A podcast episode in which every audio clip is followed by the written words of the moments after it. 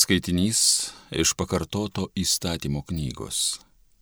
Mozė bylojo į tautą. Paklausk ankstesniuosius laikus, kurie prieš tave yra buvę, nuo to laiko, kai Dievas sukūrė žemėje žmogų.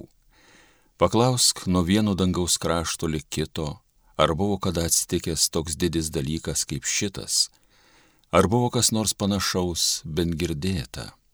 Ar kuri nors tauta yra kada girdėjusi kalbančio iš ugnies gyvojo Dievo balsą, kaip tu jį esi girdėjusi ir išlikusi gyva? Arba ar kada kuris Dievas yra pamėginęs ateiti ir tautą savo iš kitos išsivesti bandymais, ženklais ir stebuklais, karu, galinga ranka ir iškeltų žastu, bei didžiomis baisenybėmis, taip kaip viešpats jūsų Dievas padarė su jumis Egipte, tau matant. Tatai tu galėjai matyti, įdant suprastum, tikrasis Dievas tai viešpats, o ne kuris kitas. Jisai tau leido išgirsti iš dangaus savo balsą, norėdamas tau duoti nurodymų. Jisai tau leido matyti žemėje savo didelę ugnį ir tu iš ugnies jo žodžius girdėjai. Kadangi jis buvo pamilęs tavosius tėvus, vėliau išsirinko jų palikuonis Jis pats tave išvedė iš Egipto, parodydamas didžią savo galybę, kad tau žygiuojant už tave didesnės, stipresnės tautas pavarytų, tave į jų kraštą įvestų ir jį paveldėti tau duotų, kaip tai dabar ir įvyksta. Tad šiandien suprask ir širdinį įsidėk, tikrasis Dievas aukštai danguje, o čionai žemėje yra viešpats, o ne kuris kitas Todėl tad laikykis jojo įstatymų ir įsakymų, kuriuos aš tau skelbiu šiandieną, kad tau ir tavo vaikams gerai klotųsi ir ilgai išgyventum krašte, kurį tau viešpats tavasis Dievas visiems laikams atiduoda. Tai Dievo žodis.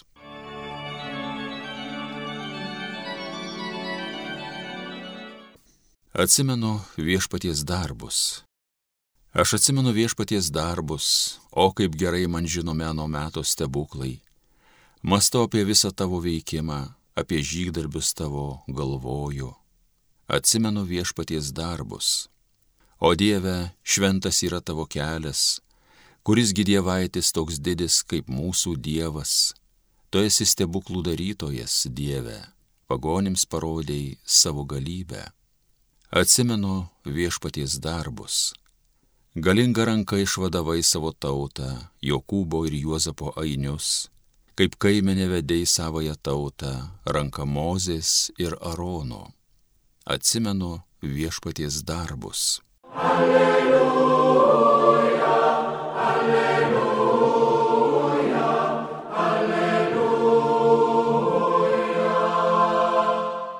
Palaiminti, kurie persekiojami dėl teisybės, jų yra dangaus karalystė. Alleluja, alleluja, alleluja.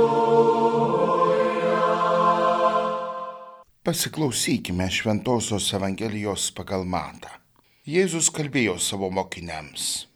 Jei kas nori eiti paskui mane, tai išsižada pats savęs, te pasiima savo kryžių ir teseka manimi.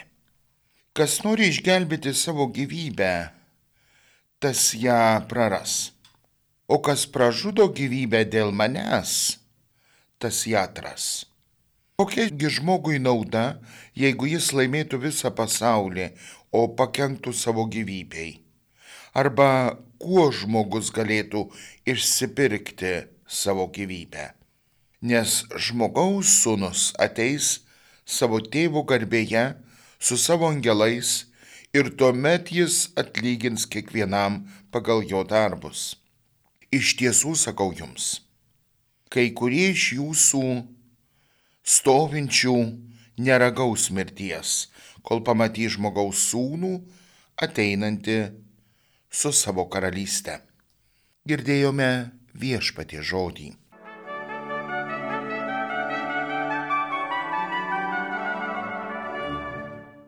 Brangus broliai ir seserys, mėly Marijos radijo klausytojai. Vasara persirito į antrąją pusę ir iš tiesų tas didysis atlaidų maratonas stipriai įsibėgėjęs, daug kas iš jūsų tikiu skuba į atlaidus pivašiūnuose, gal krekenavoj, palangoje ar kur nors kitur. Tikrai didelis spektras tų vietų, kuriuose viešpats dalina savo dovanas. Bet kur bebūtumėm, Dievo žodis visada mus nori prakalbinti. Ir kasdien, ir atlaiduose, ir sekmadieniais, ir įvairiomis kitomis progomis, kada tik sugeba Dievo žodis kažkaip tai prabilti. Šiandien Jėzaus tariami žodžiai savo apaštalams labai mislingi, o kartu labai aiškus. Jei norit sekti, imkite savo kryžių. Ir jeigu taip pažodžiui šituos sakinukus įgyvendinant, tai pirmasis vaizdas, kuris įvyko istorijoje, tai Jėzus ir du su juo nukryžiuotieji. Abejoju, kad juos vedė atskirai. Tikrai kiekvienas nešė savo kryžių, ar bent jau kryžiaus dalį, ir atėjo į Kalvarijos kalną. Ir štai nuo čia prasideda kryžiaus skirtingumas. Visiškas skirtingumas. Tai Jėzaus kryžius tapo ne tik tai išganimo ženklu, mirties ir nuodėmės nugalėjimo ženklu, bet tėvo valios, pilnos tėvo valios įvykdymo vieta. Ir štai tuo ji skiriasi nuo kitų dviejų kryžių kurie irgi buvo pasiimti, užsidėti ant savo pečių, nešti į Kalvarijos kalną ir net prie jų prikalti tie, kurie laikyti, o greičiausiai ir buvo labai blogi žmonės. Ką jie ten buvo padarę, mes iš Evangelijų nežinom ir matyt net nereikia žinoti. Yra labai aišku, kad vienas tą kryžių prakeikė, atmetė, niekino, net niekino taip pat ir savo bendralikimius, tie, kurie kartu su juo nukryžiuoti. Jis atmetė net galimybę kryžiumi įvykdyti Dievo valią. Antrasis pabandė, pamėgino. Gal vis tik pavyks. Taip, nebuvo geras žmogus. Nežinom, ar dėl vieno didelio nusikaltimo, ar dėl viso gyvenimo padarytų kažkokių tai jo negerų darbų jis buvo nukryžiuotas, bet tikrai ne dėl gerų darbų. Ir pats tą pripažino. Ir pats tą pasakė. Gi mes tai blogi žmonės, o šitas nieko nėra padaręs. Tai jo galimybė ir noras prisiliesti prie Dievo duodamos išganimo dovanos. Savo gyvenimo kryžius imam kiekvienas. Vieno jis yra lengvesnis, gal net ir nepastebimas, kito yra sunkesnis, net labai ryškus. Daugiausia pastebim išorinius kryžius, tai yra lygos, negalios ar kokio nors kitokio išoriniu būdu pareikšto būdo kryžių, bet kiek yra dvasinių kryžių kiek yra pareigos kryžių, kiek yra savo tiesioginių pareigų įvykdymo kryžių. Dažnai apie tai mažai kas susimasto, kas tokių kryžių neneša.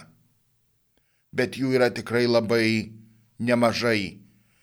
Ir todėl Kristus niekada nesakė, imkite mano kryžių ir padėkit man jį nešti. Eisim dabar kartu, visi įsikipkim į maną į kryžių. Ne. Imkite savąjį.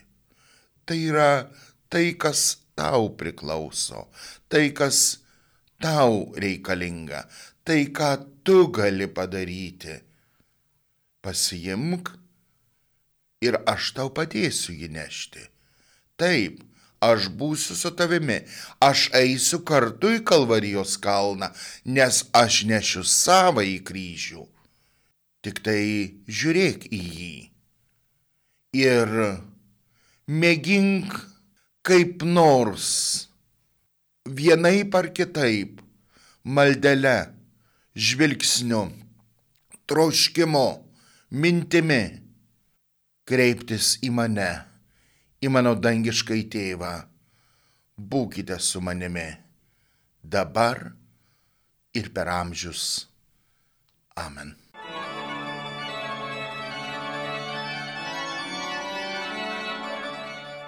Homilija sakė kunigas Arūnas Kesilis.